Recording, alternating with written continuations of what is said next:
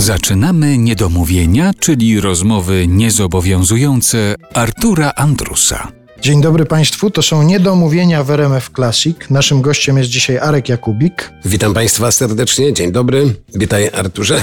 Pomyślałem sobie, w związku z tym, że ta nasza rozmowa też będzie dotyczyła Twojej działalności muzycznej, że nazwę tę naszą rozmowę, tak ją zatytułuję, od operetki do rock'n'rolla, ale już po chwili się zorientowałem, że muszę jeszcze dalej pójść i chyba powinienem powiedzieć, że od operetki do disco polo.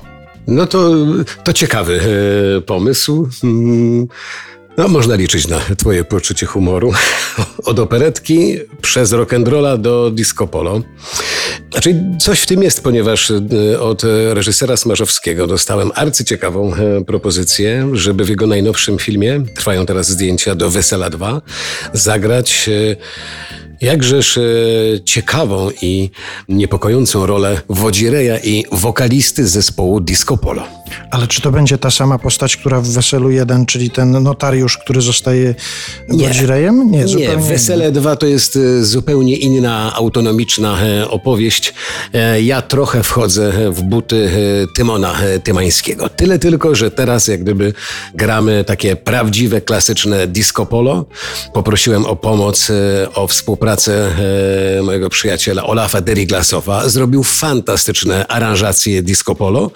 I tak e, jak siedziałem u niego w studio, wpadłem na pomysł, że e, może warto byłoby taki duet weselny z Olafem e, założyć. Wyobraź sobie, że 250 metrów od mojego domu na wsi, ja mieszkam pod Warszawą, jest dom weselny Maria i chcę zanieść do tego domu weselnego Maria naszą płytę demo, którą nagraliśmy do filmu Wojtka, no i może dostajemy po prostu pracę. Dzisiaj są bardzo trudne czasy, cała branża muzyczna pada, koncerty wes- odwołane, a wesela będą te- zawsze. Ale weselna też niestety teraz nie jest, zdaje się, otwarta, także to jest kwestia przyszłości. No tak, ale chyba nie wiem, ile osób może być dzisiaj na weselu. W ogóle są zakazane? Zależy, jaka jest aktualna decyzja rządu. Być może, że to są wesela na cztery osoby, czyli panna młoda, pan młody i po jednym rodzicu. I nasz duet ekscentryczny z Olafem, bo tylko nas dwóch będzie, żeby. No ktoś musi zagrać e, pierwszy taniec dla, e, dla pary młodej. No dobrze, ale jeszcze zatrzymując się na chwilę przy tym graniu disco polo, od razu uspokoję na przykład miłośników zespołu Dr. Misio, że na tej płycie, do której jeszcze w pewnym momencie dojdziemy, strach e, XXI wieku, nie ma śladu disco polo. Także tutaj w repertuarze doktora Misio nie poszło w tę Nie, stronę. nie, nie, nie. Zdecydowanie zespół, e, ten duet ekscentryczny z Olafem, nazwaliśmy go zresztą Imperium, nie jest żadną konkurencją dla doktora Misio i to musimy faktycznie ustalić jak gdyby raz na zawsze. Dobrze, a czy przygotowując się do tego grania disco polo w Weselu 2, ty musiałeś się osłuchać z tą muzyką? Nie. Dostaliśmy e, zbiór e, różnych e, piosenek disco-polowych.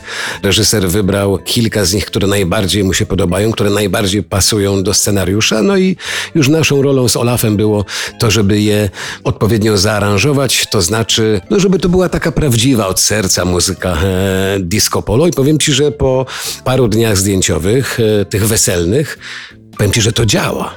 Wiesz, jak się ludzie świetnie e, bawią na koncercie zespołu Imperium? Prawie jak na koncercie doktora Misio. Jest energia, jest rock and roll, jest wspólne śpiewanie, tańce, zabawy. Wow! Nie mogę Państwu obiecać, bo przejrzałem, rzeczywiście przejrzałem całą bazę muzyczną stacji RMF Classic, nie znalazłem żadnego utworu disco polo. A to szkoda. To na razie zostańmy przy tym, że disco polo nie będzie nam towarzyszyło w dzisiejszej rozmowie, ale muzyka tak.